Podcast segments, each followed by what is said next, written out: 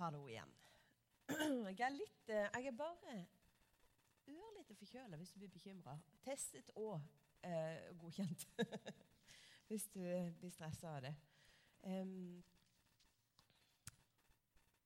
I dag skal vi begynne på en ny, eh, en ny, taleserie. En miniserie som skal gå ut november, eller fram til første søndag i advent. Og Vi har jo prøvd dere litt med, sånn, eh, med noen eh, taleserier denne høsten. Det begynte med at vi snakka om fellesskapet i Kristus. Og vi snakka om hva det er å være kirke, eller menighet. Hva er dette her for noe? Og, og det som vi så veldig ønsker å si noe om, det er jo at kirka er en gave vi har fått. Vi er kirke fordi at Gud har tatt sin bolig iblant oss. Han har tatt bolig i våre hjerter ved troen som vi har.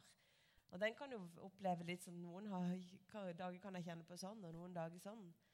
Men ved troen så bor selveste Gud, den allmektige, himmelens og jordens skaper, i våre hjerter. Og fordi at han er til stede, sånn som Bente snakka om innledningsvis Fordi at han er til stede, han har planta seg sjøl i oss. Ja, Da er det lys i denne verden, for han er lyset. Han er lyset som har overvunnet mørket. Han er lyset som skinner der hvor vi ikke engang skjønner at det går an. Han er verdens håp plassert i sin kirke. Og kirka blir sammenligna med en kropp. Vi er hans kropp.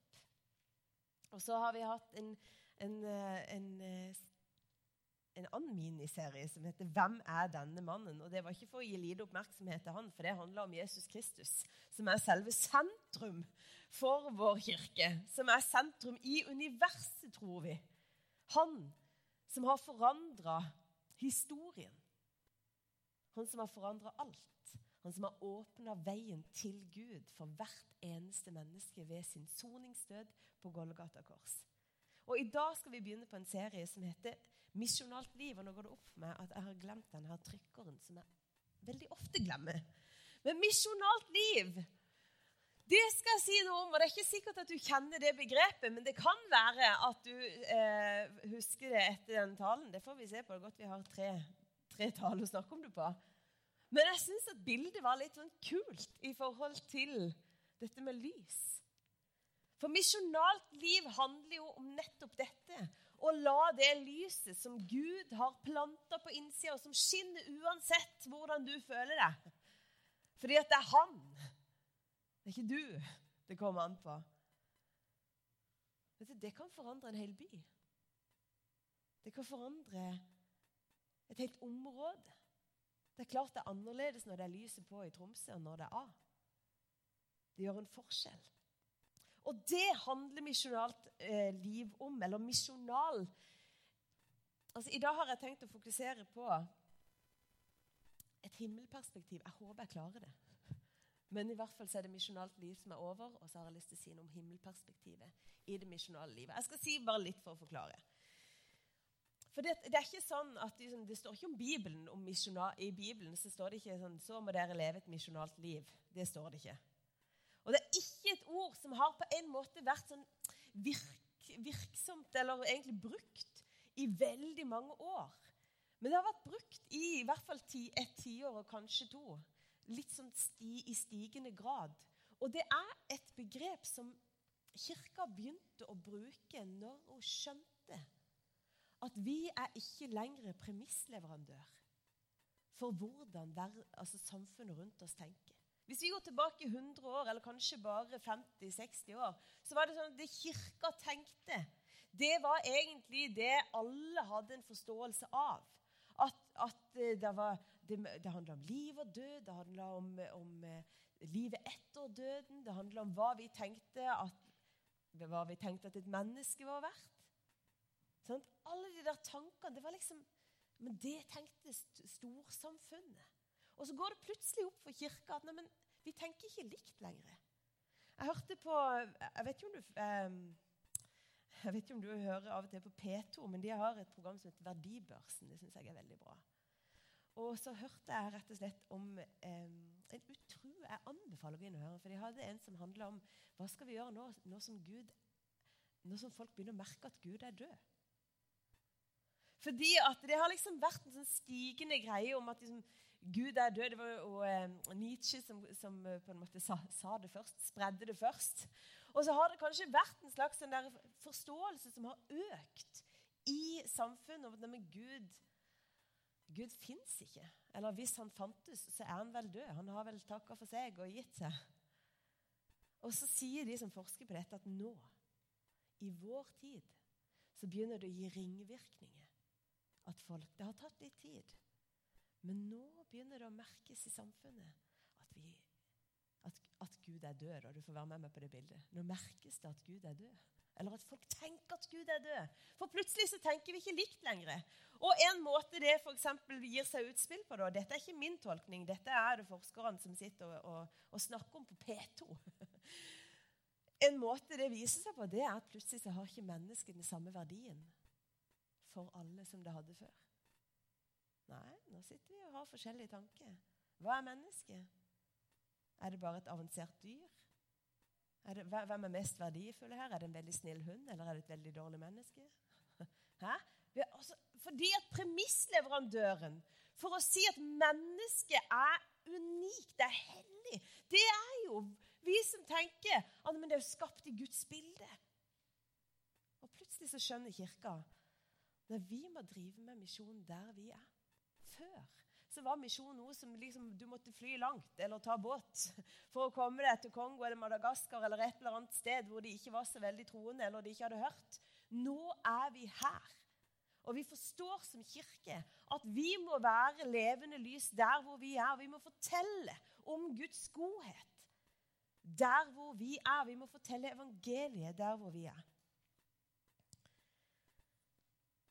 det er det å være misjonal. Misjon det kommer fra et latinsk ord som er 'missio'. Og Det betyr utsendelse og oppdrag. og sånn, det du kan tenke er at det betyr, Å være misjonal betyr å være, vite at du er sendt. Og Dette er den dypeste på en måte, identiteten til kirka. Det å vite det at vi er sendt til denne verden. For det er nemlig sånn at idet du tok imot, eller tar imot Jesus Kristus, alt etter som hvor du er på veien her, så, så er det sånn at i det det skjer, så får du et nytt borgerskap. Da har du plutselig Du har fortsatt ditt norske pass eller tyske eller hvor du er ifra. Men du hører til et annet sted, og det er i det himmelske. Du er plassert i himmelen med Gud, i Jesus Kristus. Og du er sendt til denne verden med det som fins i det himmelske. Den dypeste identiteten til kirka. Vi er Jesu kropp. Vi er sendt ifra Han, ut ifra Han. Ut ifra det himmelske så er vi sendt til denne verden. Og nå må jeg stoppe, for jeg er faktisk bare på side én. Jeg har mer å si. Og så har jeg det siste punktet som jeg har lyst til å si bare om et misjonalt liv. Det vil si, det handler om å være inkarnert. Og inkarne, det betyr i kjøtt. Og vi sier at Kristus er Gud inkarnert. Han, det er jo helt fantastisk. Vi skal feire jul. Tenk at den høyeste Gud, han som skapte himmel og jord, han kommer til oss i kjøtt. For å vise oss hvordan Guds godhet er, og hva han faktisk vil han vil ha kontakt. Derfor gir han hele seg sjøl for å få kontakt. Og så har jeg tenkt, og har hørt det blitt sagt, at når Jesus velger å bli et vanlig menneske, da må vi òg gjøre det. Det er en del av det å være misjonale. Det å velge å være menneske i denne verden. Israelsfolket de hadde fått en fantastisk posisjon. De var Guds utvalgte folk. Men det vi kanskje ikke snakker så mye om Beklager, jeg merker jeg snakker meg tørr allerede. Det er ikke bra. Det er at israelsfolket hadde en oppgave. De fikk et kjempeoppdrag. De skulle være de som forkynte for hele verden, for alle folkeslag, at Gud fantes, at han var til stede i denne verden med sin ånd. De skulle snakke om han og løfte opp hans navn for alle folkeslag. Og i tempelet så var det sånn, det var tre som hovedforgården. Den ytterste forgården, vet du hva den var tenkt til? Den var tenkt til at hedningene skulle få lov til å komme. Der skulle de andre folkeslagene få lov til å komme. De skulle få høre om Gud. De skulle få lytte til hans godhet. De skulle høre at det fantes én som var nådig og god. Og så skjer det med israelsfolket at de blir det vi kaller for elitistiske. De blir opptatt av seg sjøl. Blir opptatt av sitt eget åndelige liv. Og så fyller de hele den forgården som var tenkt til hele verden, med Bodø, som tjente de sitt eget åndsliv. Det er ganske alvorlig. Det er ikke rart at Jesus tar et oppgjør med det idet han svinger pisken i tempelet.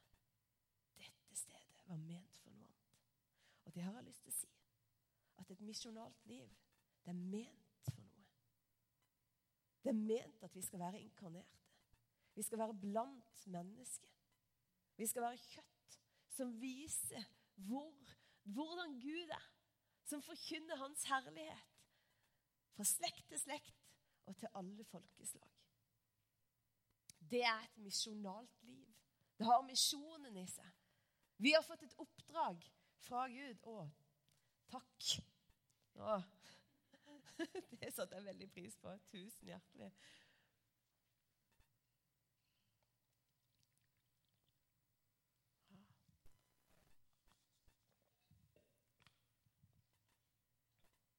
Vi er kalt til å leve inkarnert. Tenk deg Jesus han kom for å vise hvordan Guds rike er.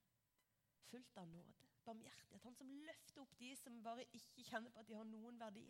Han som inkluderer de som ikke ble inkludert andre steder. Hæ?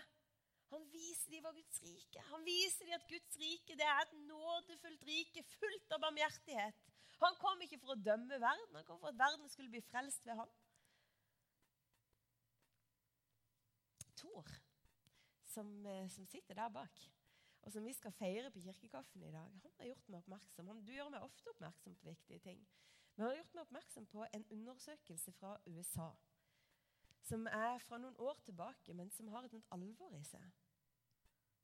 De spurte eh, Dette er jo store undersøkelser, men de spurte folk hva, hva tror dere at kristne folk tenker om dere? Eller hva er, litt, er det riktig, Tor? Ikke, ja, de spurte ikke-kristne. Ja, det er sant. De spurte ikke-kristne. Hva tenker dere at de, at de, kristne tenker om dere? Og da svarer 80% Nei, vi tror ikke de bryr seg så mye om oss. Og så tenkte jeg det Ikke på vår vakt. Det kunne jeg kjenne sånn der.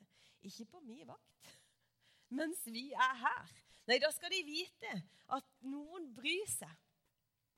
Og Vi skal lese fra Johannes kapittel 20, vers 19-21.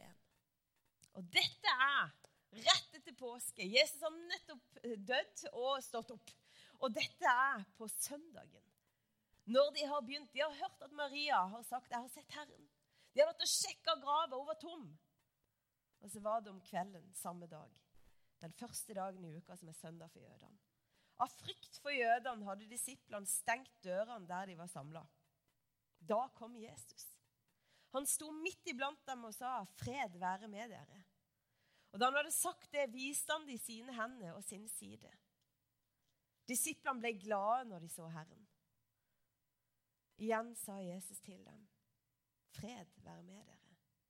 Som Far har sendt meg, sender jeg dere. Så åndet han på dem og sa, ta imot Den hellige ånd. Dette er ikke Jesus sin avskjedstale på Kristi himmelfartsdag. Det er den første på en måte talen han holder når han er stått opp ifra de døde. Fred være med dere. Som far har sendt meg, sender jeg dere. Og Så ånder han på dem og sier, 'Ta imot Den hellige ånd'. Hvorfor kan han gjøre det? Hva er det? Han sender oss.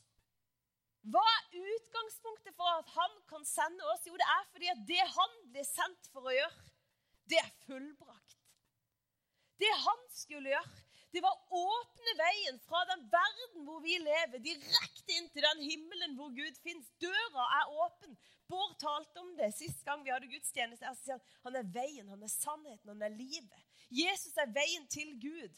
Nå er veien åpna. Og da er på en måte det første han sier, det er fred. Og så sier han, som far har sendt meg, sender jeg dere. Jeg tenker på det at det er en utrolig sånn kaotisk situasjon han kom inn i. Jesus kom inn i en situasjon hvor de er redde. De er stressa. Livet de sitt er snudd litt på hodet. Det er, altså, eh, det er jo ganske interessant. De følger han i drøyt tre år.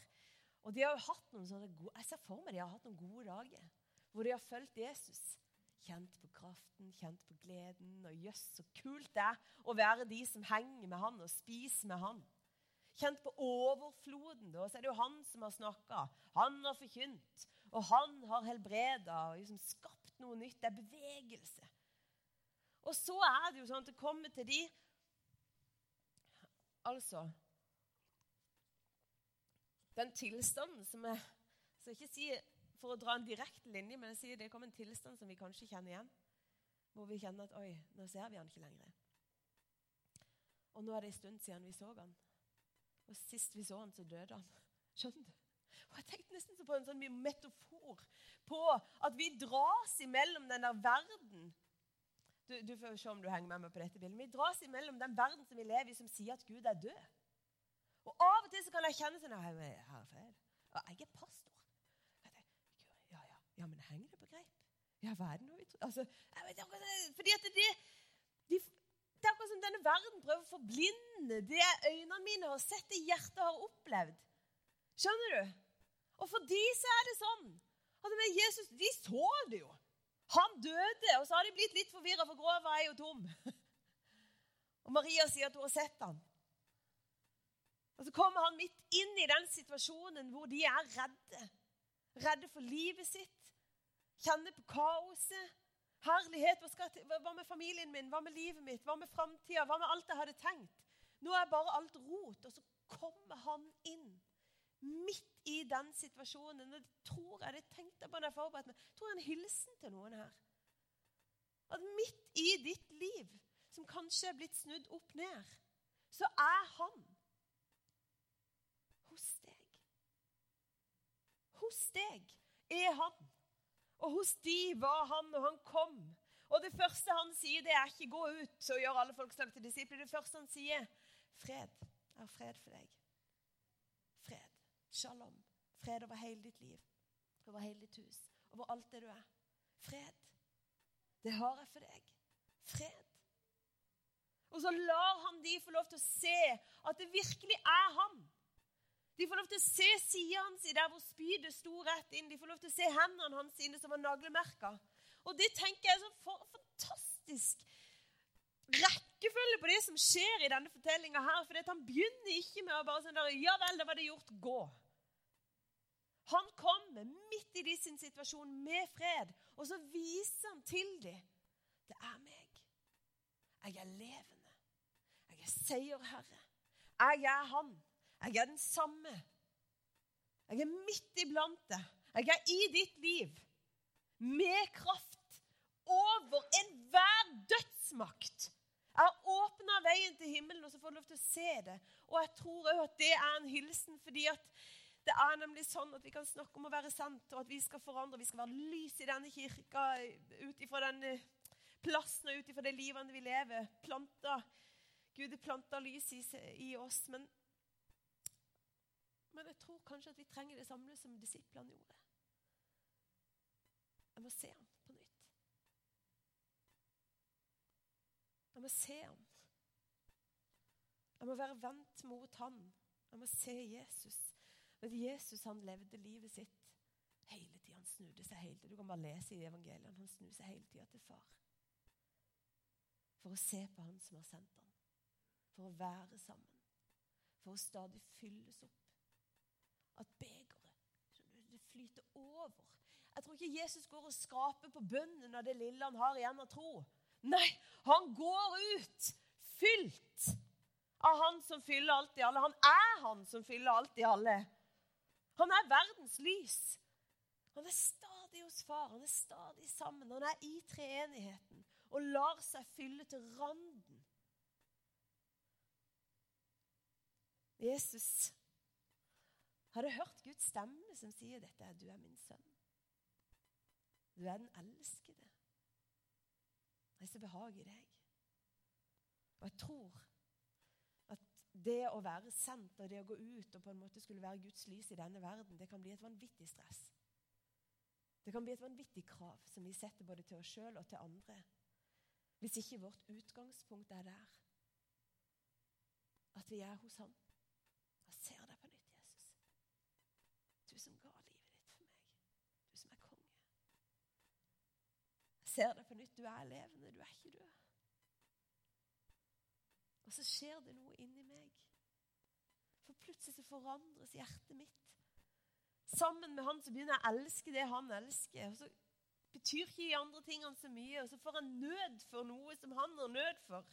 Sånn tror jeg det. Og så tror jeg bare at vi er Det er så viktig, det som Paulus skriver til kolossene. Er dere reist opp med Kristus? Er du, Har du tatt imot han? Så søk det som er der oppe, hvor Kristus sitter ved Guds høyre hånd. La sinnet være vendt mot det som er der oppe, og ikke mot det som er på jorda. Og feste blikket på Jesus. Det betyr at du kan ikke ha blikket alle andre plasser. Sånn er det for meg. Sånn er det for deg. Og det er mange ting som kjemper om vår oppmerksomhet. Det er lønna vår, det er karriere, det er kanskje popularitet, det er alt mulig. Men å feste blikket på Jesus, det er å feste blikket i det himmelske. Å ha et himmels, himmelperspektiv, det er å se på Jesus. Det er å stadig beundre ham og kikke på ham og tenke Wow! Tenk at døden er overvunnet. Tenk at den høyeste Gud er hos meg. Og så sender han de ut. Når de har sett hvem han er, at han er universets konge, han er sentrum, så sender han de ut. Og så sier han som Far har sendt meg, sånn sender dere. Hvordan ble Jesus sendt? I Filipperbrevet så står det at han ble sendt ut av herligheten. Han ga avkall på sitt eget, på plassen i himmelen. Så tok han på seg tjenerskikkelse, ble han menneskelik. Sånn er det å være sendt. Tenk det. Til, til og med himmelens rikdom var ikke valuta i forhold til menneskeliv for Jesus. Han bytta om. Han bytta valuta. Og kanskje trenger vi det å bytte valuta litt av og til på hva som får vår oppmerksomhet, og hva som er viktig for oss. Hvor det som er viktig for han, er viktig for meg. Han er viktig. Livet er viktig. Hans vilje i denne verden er viktig. Og så er det vårt oppdrag da, å bli inkarnert og kanskje gi avkall på noe som er vårt eget, ta på oss en tjenesteskikkelse og bli menneskelik. Og ikke bare det, han blir sendt med kraft. Jesus blir sendt med kraft. For Jesus kommer, han er Gud. Han kom, han er kraften som kommer fra himmelriket for å åpne opp det som stengte. Og så sier han til oss, ta imot Den hellige ånd. Han sier til disiplene, han sier det til oss. Og så sier han, idet han skal forlate denne verden, så sier han dere skal få kraft når Den hellige ånd kommer over dere, og dere skal være mine vitner i Jerusalem, hele Judea, i Samaria og helt til jordens ende. Og Jeg bare lyst til å begynne med å si at jeg tror det er så viktig at vi fortsatt sender misjonærer ut. Og Jeg håper i løpet av de neste årene at vi skal sende misjonærer ut fra dette sted. Til unådde folkeslag, til land og, og kongerike og presidentrik, holdt jeg på å si.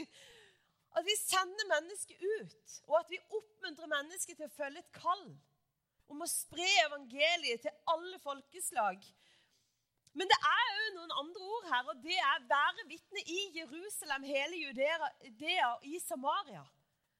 Vi skal være der vi er. I de byene, i de bygdene vi hører til. Der skal vi vitne, skal våre liv vitne om Guds godhet. Vi skal kjempe for hans rettferdighet. Vi skal være som han som løfter opp de som er undertrykt. Som setter fange i frihet.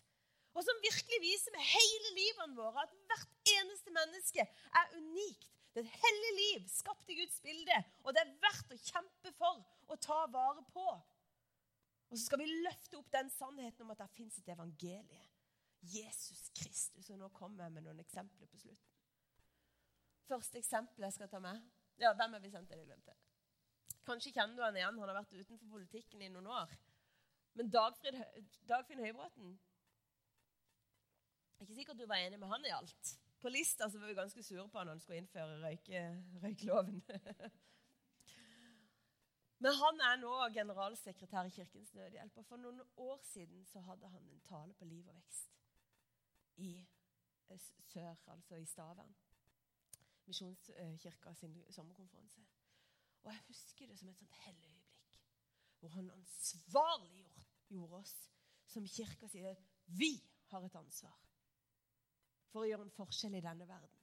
Vi har et ansvar for at mennesker i den tredje verden har vilkår som gjør at det er levelig. Vi har et ansvar for denne verden. Det er vårt ansvar, for vi er de som bærer Guds herlighet. Vi er de som er kalt. Og det var så det, vi var, jeg vet ikke hvor mange ganger vi har vært 600-700 mennesker. Og jeg, bare, jeg satt helt bare og bare kjente buff. For jeg kan bli så opptatt av meg sjøl og mitt lille og min lønn. Og så glemmer jeg at det er noen som har ingenting, og det er ingen som kjemper for dem. Dette er misjonalt liv. Og vi skal være med. og Derfor synes jeg bare at vi skal, altså med frimodighet inviterer vi til kollekt i Frimisjonen. Med frimodighet. For vi vet at det vi gir til, er bra. Så kom det bilde av jeg vet ikke om du kjenner det igjen, men Tromsø fengsel. Her er det to eksempler. Det ene er at Tobias som sitter der, og som også jobber her, han jobber i Tromsø fengsel. Og det er jo som det er arbeidsplassen hans. sin. Det er arbeidsplassen hans. sin. Og det er bare sånn at det er ikke det samme om Tobias jobber der eller ikke. For idet Tobias trør inn de dørene, så er han et vitne om hvem Jesus er. Og Han har ikke lov til å forkynne alt det der, så han kan ikke gå rundt og spre Bibelen og jeg vet ikke hva det heter for noe, flyers. Men livet hans sitt, det er det brevet de har fått inn i det fengselet om hvem Jesus Kristus er. Og den arbeidsplassen du har, det nabofellesskapet du har Det er ikke det samme om du er der eller ikke. Du bærer Guds herlighet i deg. Hans lys er i deg. Det er noe å ta på alvor. Og jeg har tatt med Elkem aluminiumsverk. Og, nei, jeg må jo si en annen ting. Så kan man gjøre det på en annen måte, for det er nemlig flere som er i fengselet. Karoline og Hanne som sitter der sammen med noen andre, de var i går. Og da var jeg forhindret. Men jeg skulle gjerne vært med, for de var og bare brukte tid sammen med fangene. Hadde med seg pizza. Ja, takk for, takk for nikket. Pizza bare brukte tid sammen med dem. Frivillig. Og det sender et sånt signal til de fangene. Jeg dere er verdt å bruke tid på. Dere sine liv er verdt å investere i. Ja, det er lørdagskveld. Og det er ikke sånn at de ikke har noe annet de kunne gjort. Men de har bare regnet på valuta her. Hva er det som er verdt noe? Hva er det som er det evige? Hva har evighetsverdi her? Jo, de fangene sine liv, de har evighetsverdi. Jeg er så utrolig stolt av å kunne si at vi har noen i vår kirke som besøker fengselet.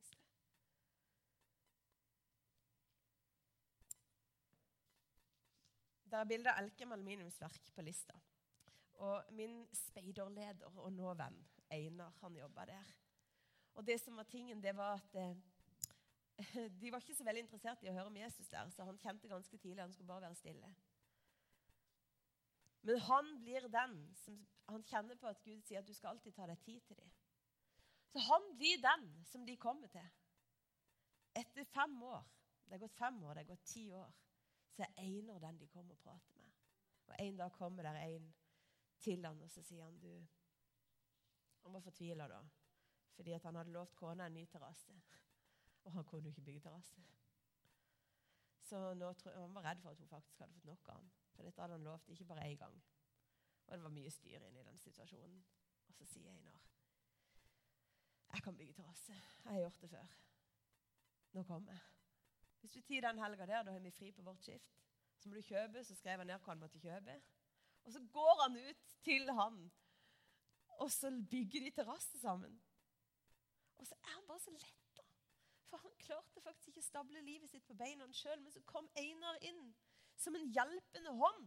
Med det som han kunne. og Det var å bygge terrasse. Og han sa ikke et ord om hvem Jesus var, men livet hans vitna om at du er verdt noen ting, og ditt ekteskap er verdt noe, og det vil jeg bruke tida mi på. Og det som var så sterkt, det var at neste fredag så sendte denne mannen sine to barn på speideren, der som Einar var speiderleder. Og de er vokst opp og har hørt om Jesus. Jeg har noen bilder her, jeg skal være kjapp. Men jeg har bare lyst til å si det at det var en prest hjemme på lista. Det var ei dame som hadde mista mannen sin. Og så er det jo litt sånn av og til kommer ordene til kort. Men det han gjorde, denne mannen, denne presten som heter Helge han, han bare så at hun klarte ikke å spise. Da begynte han å bake. Hver morgen bakte han et nytt brød. Og så var han veldig klimabevisst. Og dette var jo på 90-tallet, så han var jo tidlig ute. Eh, og så sykla han til henne et par kilometer med nybakt brød hver dag. Tror du det gjorde inntrykk på de som var rundt? Ja, det gjorde det. Markus Kvavik var, han var pastor her, for du som er like fersk som meg. Så var han pastor her for noen år siden. Han sendte meg en melding. Han var så utrolig glad, fordi de det var jo halloweenhelg. Og da han to bitte små jenter. Den ene, en er mindre enn den andre. Men Så tenker jeg, vi må, vi må benytte anledninga. Så hadde de ikke halloween, men de hadde hallo-venn. Og så kunne de invitere sine venner. da, Så hadde de bare invitert en haug. Han skrev 24 mennesker hadde kommet inn i heimen hans. Og så, sånn, så bare fikk jeg sånn Hurra! sto det på meldinga. For det kom to familier som ikke hadde hørt om Jesus, og nå hadde hun ene sagt ja til å bli med i smågruppe som han gikk i. Fordi at de bare brukte det livet de hadde. Ungene hadde lyst til å ha noe med godteri, siden alle andre hadde noe med godteri. Ja, så tar foreldrene ansvar og så inviterer noen andre som er barn. Og så åpner de huset sitt litt. Og så er det noen som nå er på vei mot Jesus. Jeg har tatt bilde av min egen blokk i midten der, bare så du vet jeg bor i Myreng. Myrengblokk nummer tre. De begynner jo å se at jeg av og til kommer hjem med snipp på søndagen. skjønner du? Jeg bodde her i halvannet år, og nå vet noen at jeg er pastor. Og så bare gikk det opp for meg her om dagen. Ja, hva betyr det for de at jeg er pastor? At jeg hver morgen sier 'ha det bra' hver, morgen, hver søndag morgen. Liksom sier vinke, for nå skal jeg på noe hyggelig. Bare kjente jeg er nødt til å gjøre noe. Jeg må jo være nabo. Så nå har jeg, etter ett år og vel så det, sendt melding og invitert på vafler og yatzy. Skjønner du? Og jeg sier ikke det for å gi takk for applausen, men den er egentlig ikke helt fortjent, for jeg bare tenker at det går an å være så treg. For jeg kan bli så veldig sånn der Å, min, min, min casa, skjønner du? Ja. Og så kjenner jeg meg med å være nabo. Så måtte jeg tenke på hvordan kan jeg gjøre det uten å dø. Men det kan jeg. Jeg kan spille yatzy. Og jeg kan, jeg kan skjønne Der hvor jeg bor. Nå kommer det siste historien. Og Det er Annie Skau. Det er for å gi deg et himmelperspektiv helt på tampen. Annie Skau, Annie, Annie Skau hun var en misjonær i Kina. En av Misjonsforbundets, eller Kirkens Norges sin store stolthet. Hun var misjonær i Kina. Og Hun jobba i mange år og starta noe som heter Håpets havn. Hun var sykepleier. Starta tuberkulosesenter i Hongkong når Mao var i Kina og for alle måtte flykte. Flykta de dit og kom Hongkong, til Hongkong på Håpets havn. Og så er det en historie hvor det kom ei gammel dame. Hun ble lagt som en bylt på trappa. Og Annie skriver i en av sine at hun håpet at hun hadde tuberkulose, så hun kunne ta henne inn. For de hadde ikke lov til å ta inn hvis det ikke var tuberkulose. Og det hadde hun var full av tuberkulose. Så tar de henne inn. Og så blir hun ei litt sånn kjeftete gammel dame som, med glimt i øyet. Og så sier hun en dag Annie kom inn 'Annie, hva er det han de snakker om i disse her boksene på veggen?' 'Hvem er det disse boksene snakker om?'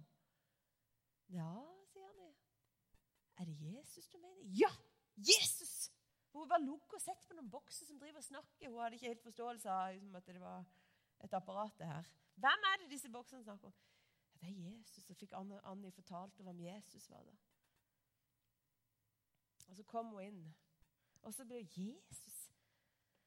Og så ender det opp med at bestemor, som de kalte det, hun tar imot Jesus. Og så begynner hun å snakke om Jesus, og hun snakker med Jesus. Og Hun ligger der i senga si og begynner liksom å komme seg til hektene etter tuberkulosen. Og så kommer Annie inn, så var det jul. Og Annie beskriver det veldig fint. Det var jul. Og De pleide å gå rundt og sette et lys på ethvert bord. Og så sier bestemor Annie, nå er det Jesus sin bursdag snart. Jeg har så lyst til at vi skal feire, at jeg kunne være der og gratulere han med dagen. Og feire han. Ja, sier Annie, men nå er du ganske frisk, så det kan være det blir litt tid til du er hos Jesus igjen. Og Så går hun ut, og så går julekvelden med alt sitt styr. Og så, og så kommer hun tilbake litt senere på kvelden, og så sier bestemor I kveld, Annie, så blir det ikke sånn som du hadde tenkt. I dag blir det sånn som jeg hadde tenkt. For nå snakka jeg nettopp med Jesus. Han sto her. Og så sa han at nå kommer han og henter meg. Og Annie var litt sånn der, ja vel. Så sier bestemor og jeg skulle så gjerne hatt det sånn. At, jeg, at, du kunne holde rundt meg nå. Sånn at jeg kunne gå rett ifra dine armer og inn i Jesus sine armer. Og Annie er litt sånn Ja, hva skal jeg si til dette? Jeg får bare holde litt rundt henne. Og så legger hun armene sine rundt bestemor, som har tatt imot Jesus, men som er på vei til å bli friskere fra tuberkulose. Og der holder hun. Og så dør hun. og så skjer det som hun ønsker. Hun går rett ifra Annie sine armer og til Jesus sine armer. Og det vitnesbyrdet har jeg med for å si til deg at det ha himmelperspektiv Det ha himmelperspektiv. Anni skriver at 'jeg ble misunnelig'. Jeg ble misunnelig. Ja. Men så har hun hørt Guds stemme som sa at det er enda flere sjeler som trenger at du møter. Og det tror jeg er en hilsen til oss. Det er sjeler som trenger vårt lys, som trenger vårt Guds liv. Og nå skal vi be. Jesus, jeg takker deg for det at vi kan få lov til å stole på at vi at det er du som lyser. At det er du som er Gud. Jeg takker deg for at vi kan få lov til å kikke på deg, og vi kan få lov til å løfte blikket og vi kan få lov til å virkelig, Herre, være sammen med deg, sånn at vi på nytt ser at du er virkelig. Og så kan vi få lov til å bli fylt opp av den du er, sånn at vi kan gå ut fordi at du sender oss ut. Og Nå ber jeg om at du skal vise oss hvem vi er sendt til, Jesus. Hvem vi er sendt til, våre naboer, våre kollegaer, Herre, de vi kjenner. Jesu navn.